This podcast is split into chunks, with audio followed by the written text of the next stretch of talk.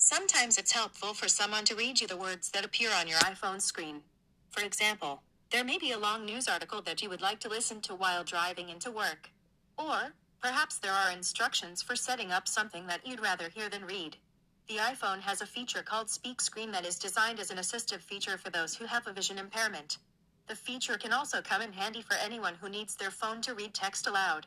While not as dramatic as a performance by Will Patton reading the latest Stephen King novel, the Siri voice that reads Speak Screen aloud is clear and understandable.